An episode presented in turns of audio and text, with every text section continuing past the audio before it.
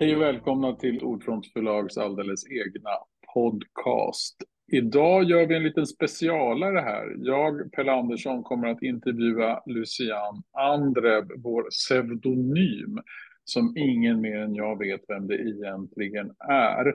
Och vi gör detta också på distans, ifall man tycker att rösten är konstig så beror det inte bara på att det är distans utan det är också en röstförvrängare så att Lucian ska kunna behålla sin anonymitet. Hej och välkommen Lucian Andrev till Ordfronten. Tack Pelle. Eh, det är nervöst och roligt att vara här. Ja, du har ju tidigare skrivit boken Utan gränser och nu är det De extrema. Och du, huvudpersonen är ju Olga Lebedova. Och eh, den här, eh, alltså hur, hur kom Olga till dig? Kan vi inte börja där så vi får lite kläm på vem Olga är och vad, vad Olga liksom är för en figur? Ja, det är en ganska lång historia faktiskt. Det började, ja. hon heter Olga Astrid Jebedova Josefsson och är mm. en svensk underrättelseofficer som även går under namnet Elvan.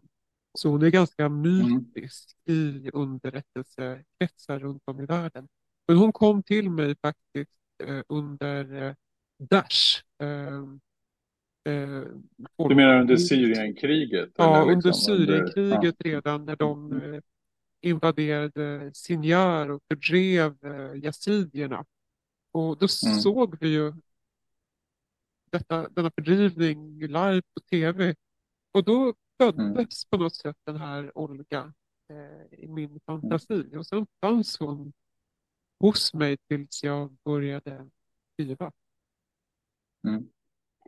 Och Olga, det som är bra med Olga är att Olga kan liksom röra sig över hela planeten, typ, eller dyka upp lite här och var. Och i förra boken så handlar det väldigt mycket om, om oligarker och Rysslands försök att på något sätt påverka, påverka Sverige och komma ja. in i Sverige och etablera sig i Sverige och mycket av oligarkpengar, hur oligarkpengar också korrumperar och förstör eller hur ska man säga, ja, korrumperar även den svenska ekonomin eller andra, många länders ekonomier och så. Det var det som Olga liksom satte sig själv att försöka lösa och, och undersöka, eller hur? Ja. Utan gränser. Och, ja, och det blev lite läskigt emellanåt. Ja, Ja, det blev väl mycket läskigt. Hon är ju halvryska. Hennes mor eh, var ju från Magnigotorsk eh, och träffade hennes eh, far på en konferens eh, för, eh, ja, på 80-talet och eh, kom till Sverige innan muren föll faktiskt.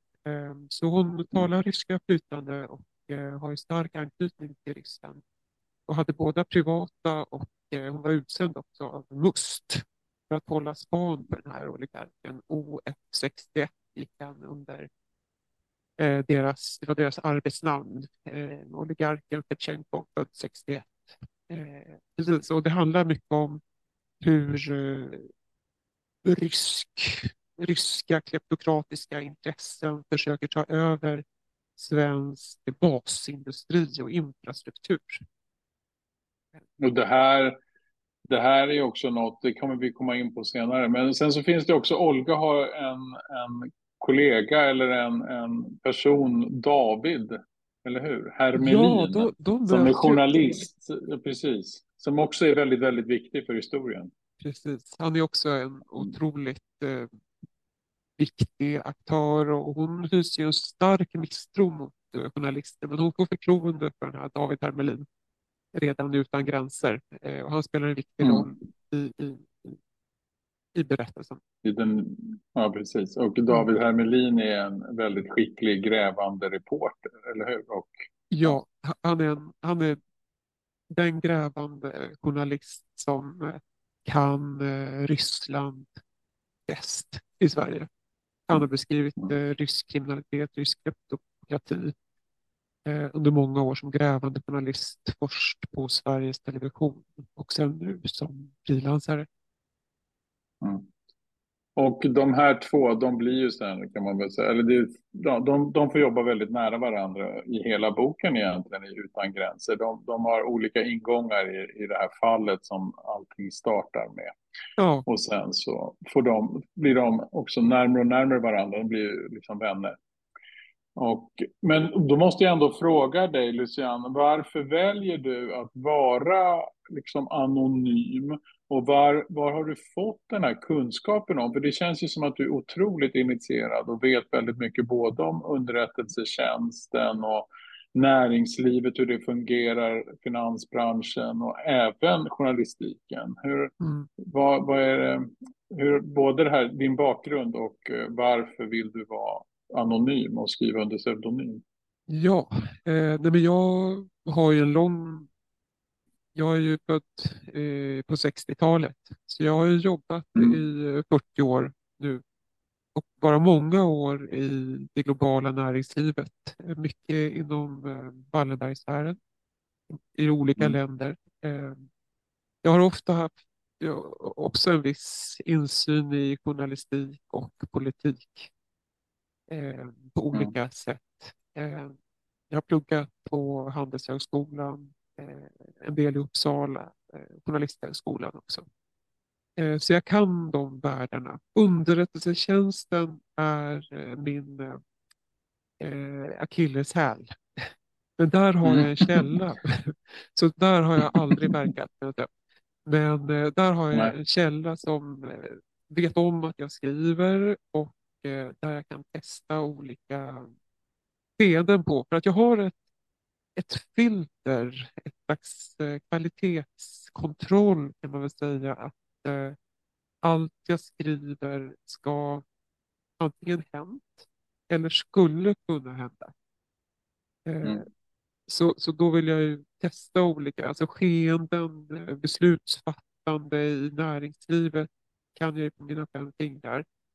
Eh, mm. Journalistikens logik och politikens logik förstår jag.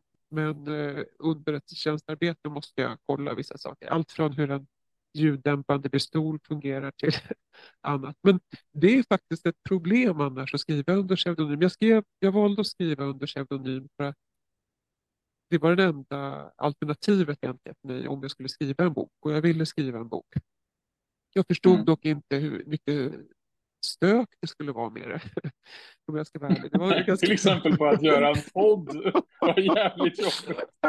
alltså jag är så tacksam till er på förlaget att ni står ut med detta omak. För att jag, om jag ska vara ärlig, jag är ganska bra på att där, tänka ut scenarier och konsekvenser av olika beslut. Men här var jag naiv. För att det är otroligt svårt att nå ut som pseudonym, det förstod jag inte.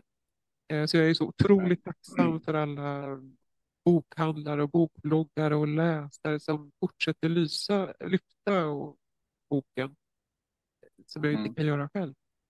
Eh, men sen också att göra research i Sisyfos-arbete. Till exempel då, i första boken så skjuter ju liksom Olga ett skott mitt emellan de två hjärtkamrarna. Och då var jag tvungen att ta reda mm. på hur lång tid har det innan man dör. Så då fick jag ju se till mm. liksom, på middagar och ställa frågor till olika medicinskt kunniga. Exakt hur lång tid tar det?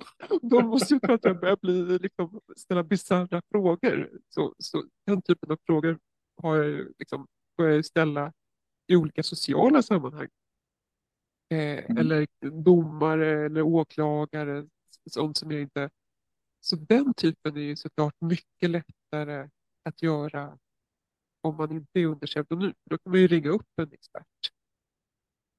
Precis, eller åka och träffa en expert och ja, prata. Ja. Och det är ofta lättare också att få fullt förtroende för, alltså det är ju lättare i det personliga mötet med en person att den ska öppna sig och vara ärlig och vilja hjälpa till. Ja. Men under detta mystiska omständigheter när man inte vet, vet vem, vem man hjälper. Nej, och sen har jag tänkt faktiskt, jag sitter ju här, eh, jag har en VPN-server och sådär, men jag googlar ju på allt mm. från liksom, hur gör man en rörbomb till högerextremism och jihadism och beställer röstförvrängare. om, om de har någon som helst effektiv signalspaning så borde jag finnas på deras radar vid det här laget. Ja. Men då Säpo kommer att ta dig till slut. Ja, Fast om de har koll på mig nu så tänker jag att de har lite roligt faktiskt. Och de har ju tystnadsplikt. Mm. Eh, Ja, Mm. nej, jag tror inte de har koll. det kommer kom- att sluta illa det här. Du, det kom en sån här gryningsräd med, med eh, Hawk-helikoptrar på hustaket. Som. Precis som det Det gjorde här alldeles nyss ja, med, med det här paret som hade ja, spelat under täcket med främmande makt här. Ja. Militären och hans fru, eller hur? Ja. Nå, Men det var inte du alltså? Nej, inte han. Men- Nej, men han blev En mycket nära vän. mycket nära. Nej, men då, då, han blev frikänd i första instans faktiskt. Eh, Ja, precis. Ja, Ja. det var en Mm. affärsman, Det var en- affärsman. Ja. Precis, men, men nu om vi återgår då till själva, ja, förutom att det är krångligt för dig allt det här, att, eh, men du menar också att du måste helt enkelt vara anonym. Du, du känner att det skulle inte gå att skriva de här om du inte var anonym, eller hur? Allt är ju relativt. Det skulle ju gå säkert, men jag skulle ju Mm. inte kanske komma in i vissa rum som jag vill komma in i längre. Eller också att Mm. någon kanske skulle vilja eh, skulle börja analysera, är det den personen du använder dig av där eller är jag med i din bok? Eller, jag, jag avslöjar inget eh, konfidentiellt som jag skrivit avtal på att inte avslöja, men jag kan ju beskriva skeenden på ett sätt som är friare att göra som eh, pseudonym. Mm. Och du är inte rädd att bli avslöjad genom att just ställa mystiska frågor under middagar till läkare eller advokater? Jag eller- jag ser till att de är lite så här salongsberusade då, så de glömmer bort det. Fast då kanske inte man kan lita på svar. Nej, Jag det är klurigt. Nej. Ja. Du får skicka frågorna till mig så får jag skicka dem vidare. Fast jag spammar dig tillräckligt mycket med mitt bekräftelsebehov tror jag, för att jag kan inte prata om mitt skrivande med någon annan. Nej, det är faktiskt fruktansvärt jobbigt. Ja, oh, jag har dåligt samvete. Ja, jag, jag tycker det är vidrigt. Nej, Nej, nej, nej. nej. Nej, det är bara roligt. Det är bara roligt. Mm. Det är det vi är till för, vi förläggare. Förutom att läsa manus så är vi också, finns vi där för författarna att prata om, om sitt skrivande och sitt liv och sådär. Det är viktigt. Det är liksom, En stor del, vi brukar, någon sa att en stor del av, av att vara förläggare är att just gosa med författarna och ta Ja, hand men om då dem lyckas du bra. med. För, för man känner sig Ja. väldigt väl omhändertagen faktiskt. För det var lite skrämmande det här att, eh, göra det här. Och första manus som jag skickade in till er var ju mer som ett synopsis. Så jag är så otroligt tacksam att ni ändå vågade tro på det. Ja, men Och vi tyckte ju att det ja. fanns så... Ja. Ja, men det kändes som att det fanns en otrolig massa kunskap där i botten. Alltså att det fanns, alltså vi kände ju att det här är faktiskt en person som vet och kan och, och, och har insikter som väldigt få har.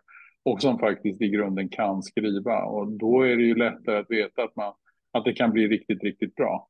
Eh, faktiskt. Även om det kanske inte är perfekt när det kommer så kan man ju se att potentialen finns eller så ser man att den inte finns. Men här, här fanns den och så fanns det så himla mycket spännande. Spännande, alltså vi förstod att du, att du kunde det här och att dessutom själva intressesfären i den första boken, det här med oligarker, Rysslands påverkan, allt det där är ju så otroligt spännande och Ja. dagsaktuellt. Ja, ja det var otäckt. Och det måste- ja. Ja. Ja, det var ju jättemärkligt att det sen att den, det som var, liksom blev ett krig sen, alltså att, att Ryssland också gick in i Ukraina ungefär samma veva som boken kom, det var ju, det hade vi aldrig kunnat förutse, även om Ukraina redan hade ockuperat, Ki- hade ockuperat Krim, så hade vi inte kunnat ana att det skulle bli ett krig. I alla fall inte jag, kanske du anade det. Det fanns ju vissa röster. Eh, Gudrun Mm. Persson varnade för det, flera andra egentligen. Eh, Mm. Och eh, det fanns ju, ja, men eh, jag hade väl, var orolig för det. Men sen var det Mm. intressant, för det, boken kom ju kanske tre, fyra månader efter den fullskaliga Mm. invasionen. Invasionen. Men eh, Mm. Mm. då när vi skrev om oligarker, då började ju liksom Putins, en del av de oligarkerna falla som eh, balkongflickor från, eh, från eh, alltså, Precis. verkliga mord. Eh, Så att man såg ju där att det var den första eh, ska man säga, utrensningen, utrensningen mot eh, kritiker. Mm. Och precis. Absolut. Och nu har du skrivit om extrema och egentligen känns det ju som att den också hamnar mitt i en otroligt alltså, dagsaktuell fråga. Här, I den extrema så handlar det om att Olga infiltrerar någon slags högerextrema rörelser som har utfört olika attentat och kanske ska utföra fler. Och det här har ju också blivit väldigt akut just nu eftersom vi märker att antisemitismen breder ut sig och blir starkare i, i kölvattnet efter Hamas eh, vidriga massaker av israeler och mm. sen då förstås Israels svar på detta som är ja. helt, eh, ja, helt fruktansvärt också, vilket föder och göder antisemitismen verkar det som. Så att ja. det här verkar den hamnar mitt i en ny sån här konflikt. Och var, hur, varför bestämde du dig för att skriva om det här då, om, om högerextremism och om, om de här motsättningarna? Ja, det handlar ju egentligen om alla typer av extremister skulle jag säga, både jihadister mm. och högerextrema. Och kampen mm. mot fundamentalismen, att, att, att linjen inte går mellan muslimer och icke-muslimer eller mellan judar och icke-judar utan mellan fundamentalisterna och icke-fundamentalisterna.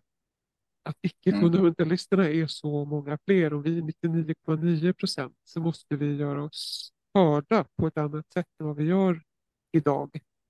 Så att det var på mm. något sätt den frågan jag ville gå in i. Eh, både liksom, var kommer fundamentalismen ifrån? Hur finansieras den? Och vad kan vi göra för att bekämpa den? Eh, och, eh, mm. Så en viktig del i det här är finansieringen, för det är ju, den är ju en viktig förutsättning för sådana här som allt från eh, Hamas till Daesh till, till eh, högerextrema grupper ska kunna verka.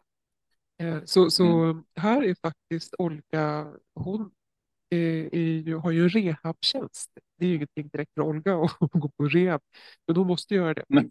Och, och, ja, precis. Och, ja. och, eh, är då på, och det här var faktiskt väldigt märkligt, hon är på Nationellt centrum för terrorhotbedömning. Mm. Eh, de som, den här samverkansgruppen eh, som Säpo leder, men där är medarbetare från eh, FRA, från MUST, från Säpo.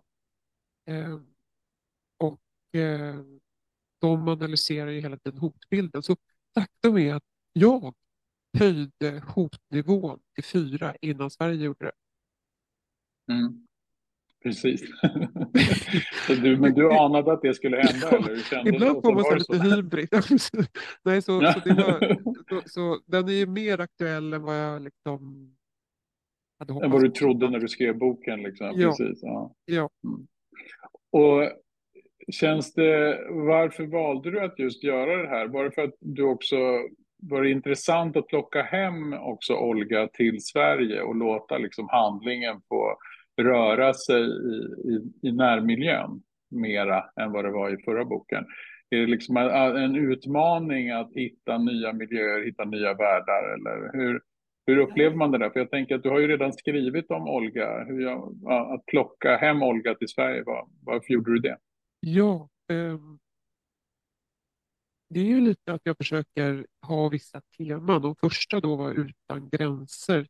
Jag försöker visa kriminalitet, mm. knark, kapital, mm. eh, kleptokrati liksom flödar fritt över våra gränser och vi har ganska lite förmåga att, att möta det. Så vill jag i nästa ha som tema just fundamentalismen för att jag tror att det är en av de stora ödesfrågorna idag och hur vi hanterar det och försöka förstå orsaken till det. Och jag har alltid tyckt om Amos Oz. Jag önskar att han fortfarande levde idag. Och han skriver ju mycket om mm. vad var kommer fundamentalismen ifrån? Och vad kan vi göra åt det? Jag älskar det han säger att eh, det finns en sak som förenar alla fundamentalister. Eh, vet du? Ja, du vet vad det är. Du har läst boken. ja, men jag kommer inte ihåg just nu. Du får gärna berätta det. Mm. Mm. Mm. Precis. Mm. Alla, mm. alltså, det finns fem kännetecken. Jag menar, alla som föds i djup hopplöshet, eh, orättvisa, eh, en känsla av utsatthet. Alla blir inte fundamentalister. fundamentalister Nej. för att det finns en, ett kännetecken för dem som tar steget över. Är att de helt saknar humor. De kan Mm, inte se precis. att världen är galen och på något sätt så måste man förhålla sig till det. Mm. Eh, och det är lätt att sitta och säga på. Men jag tycker att det är en intressant tanke att man inte har förmåga att sätta sig in i en annan människas perspektiv. Så Nej. det försöker jag Och göra. det, här, precis. Ja. Mm.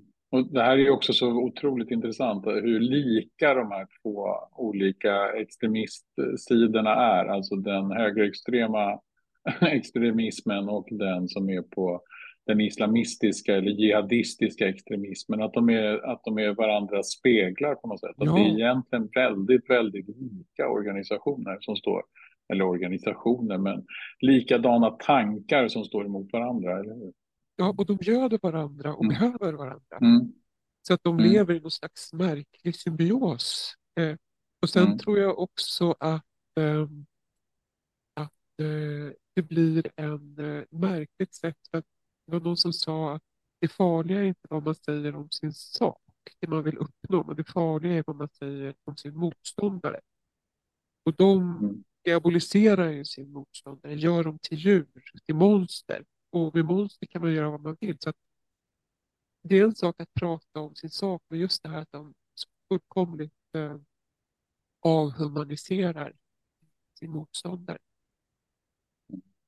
Skulle du säga att det du då beskriver i de extrema som handlar om Sverige, hur, hur har du fått, liksom, har det varit svårt att göra den här researchen eller vad har du haft för ingångar där då, till den här världen och hur har du sett, har du på något sätt kommit i närheten av det här eller sett sådana här finansieringsvägar och sett det här på nära håll på något sätt? Eller hur, hur, hur, hur kom du fram till eller hur, hur researchar du fram det här som ligger Ja. bakom det extrema? Precis. Eh, jag tror att radikaliseringen kan man ju se runt om. Hur, jag försöker se det lite som ett svart hål som man sugs in i, eh, människor. Eh, Mm. Och det går Mm. ganska snabbt. Det kan finnas Mm. människor som går från liksom, att ha ganska, som man säga, neutrala eller inte så extrema åsikter till att plötsligt tippa över. Och den radikaliseringsprocessen har jag nog sett i några fall egentligen. Mm. Och Mm. också sett den retoriken som kommer från båda sidor. Och sen fick jag göra ganska mycket research, men det finns ju, där har jag använt mig ganska mycket av de källor som finns. Öppna källor. Så det är, Ja, och sen, precis. Och många saker har väl också hänt i verkligheten. Alltså saker som faktiskt har skrivits om och journalistik. Flera Alltså saker. att du har Ja, ja. kunnat, precis. Ja. ja, ja, Mm. de här nynazisterna där, det Mm. är dokumenterat och de är dömda för flera av de här, här eh, första Mm. explosionen på flyktingboendet. Eh, eh, de här eh, jihadisterna som jag beskriver, det, det har jag också kunnat, exakt det som händer där har ju inte hänt, men eh, liknande saker. Det finns en, eh, ja, det finns mycket, av- inte allt, men en del av det som händer Mm. i boken har hänt i verkligheten också. Mm. Jag måste också fråga, hur, hur är det att skriva bok två? När man har liksom satt igång en serie, man har ett par huvudpersoner som man känner, de här funkar, de här gillar jag. Är det liksom, är det enklare då på något sätt, men ändå tråkigare att skriva bok två? Eller vad, vad är det som händer? Vad är det, vad är det du går igång på när du skulle ge dig in i det här igen och skriva om Olga och David och, och de andra? Alltså är det, är det en utmaning eller är det extra roligt att få liksom fördjupa kontakten, fördjupa bilden av, av de här människorna? Jo, jag tycker det är jätteroligt. Eh, så Mm. jag, jag såg, jag hörde någon som pratade om spökskrivare. Eh, Mm. Jag kommer inte ihåg var. Och då så beskrev de hur de kunde få liksom ett personporträtt och sen handlingen. Sen satte de bara sig och skrev. Mm. Och, det där förstår inte jag riktigt. Man kan ju ha en tanke om en människa. Men den utvecklas ju hela Mm. tiden. Det är som en vänskap. Att man ser någonting och sen ser man ett lager till och ett lager till. Eh, Så jag tycker att det nu, det här låter, de, Olga och David, eller särskilt Olga, finns med mig nästan hela tiden. Ibland när Mm. jag går in inför ett möte eh, så försöker jag vara Mm. lite tidig. Så tänker jag, vad skulle Olga... Det låter helt skruvat kanske. Men, men vad, skulle Olga, vad, vad, vad skulle Olga se i det här rummet? Eh, eller vad skulle Olga göra i den här situationen? Eh, Mm. och eh, jag kan... Eh, ja, men så det blir som en... Eh, en eh, ja, men nästan som en låtsaskompis. Och det är lite så, jag, jag önskar ju så att en sån som Olga verkligen fanns. Eh, Mm. Jag skrev till överbefälhavaren när jag skickade första bilden, eh, första boken, Mm. så skrev jag att Mm. eh, eh, jag hoppas att Olga inte bara är en skapelse av mig, utan att hon redan jobbar för dig. Precis. Ja. och, och, och lite så, men hon är ju, hon finns ju inte, men jag, hon skulle behövas. Eh, Mm. Sen David Hermelin, det finns ju många otroligt skickliga grävande journalister, så de kan man ju, så, så han finns ju på något sätt redan. Mm, precis. Och hur, vad är det som, när du, när du skriver, vad är det som är roligast i skrivandet, tänker jag? Är- För du har ju beskrivit också att det är ganska tufft att göra research, men det kanske också är roligt. Eller är det, är det att sitta och tänka ut den här intrigen, eller är det själva skrivandet i sig? Blir det som ett, liksom ett, ett äventyr även för dig? Vad Ja. som händer, vad, vad ska hända nästa steg? Och drar historien iväg? Är det som att se en film framför sig som man måste nästan skriva i kapp? Eller Ja. vad, är, vad, vad är det som så- händer? Ja. Ja, men så är det faktiskt. Alltså jag, tycker, jag har ju Mm. velat skriva, jag skrev ju min första bok när jag, var, när jag började skolan, så jag har ju alltid velat skriva.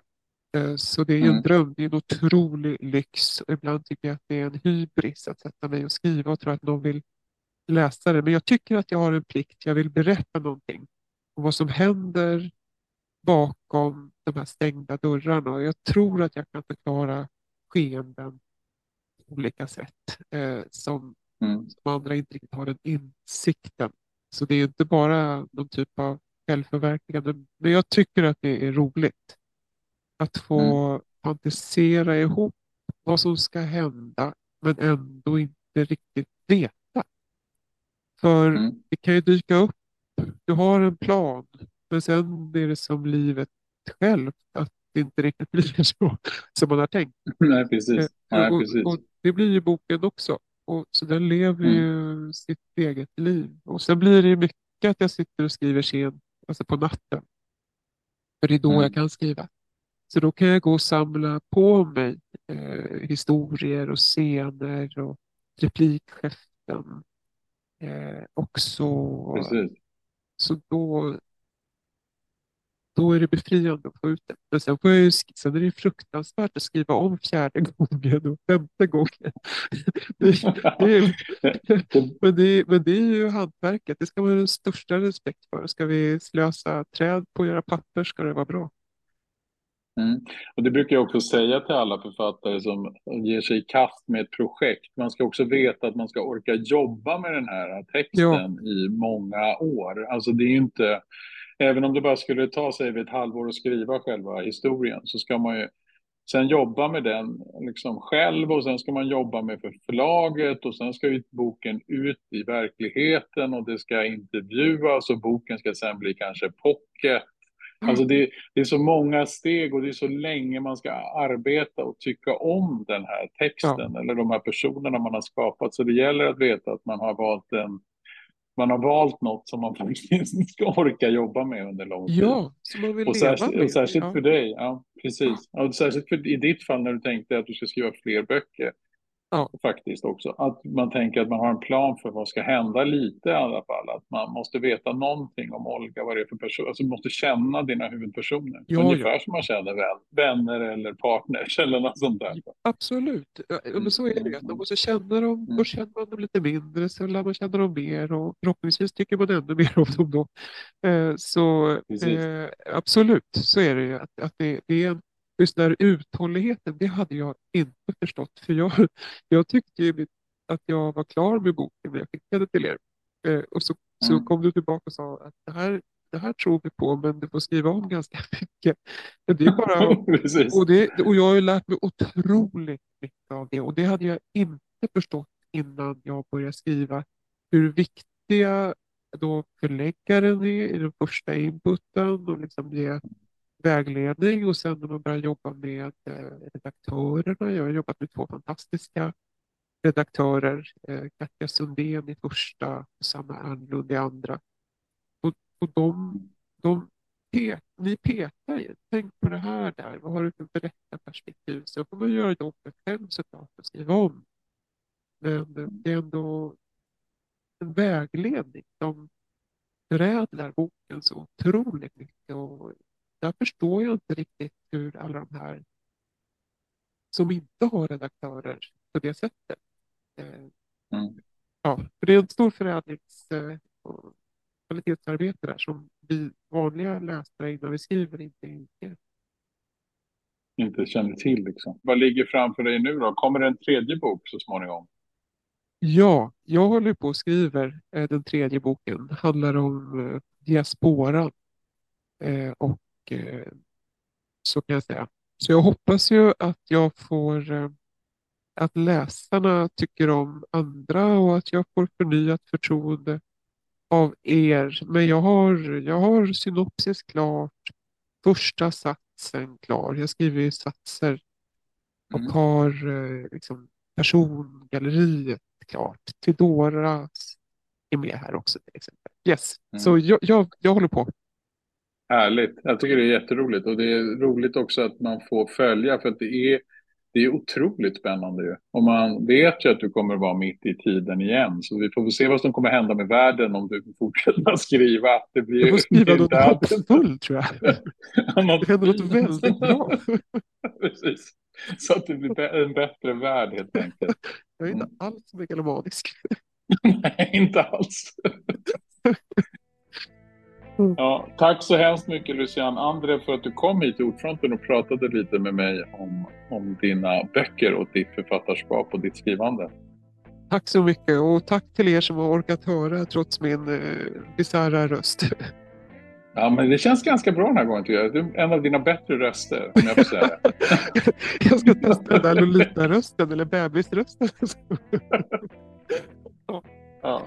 Tack så hemskt mycket igen. Ja, tack. Tack så mycket. Ha det så bra. Tack. Det var allt för Ordfronten den här gången och vi återkommer snart med nya avsnitt. Tack så hemskt mycket för att ni har lyssnat. Hej då så hörs vi på nytt så småningom.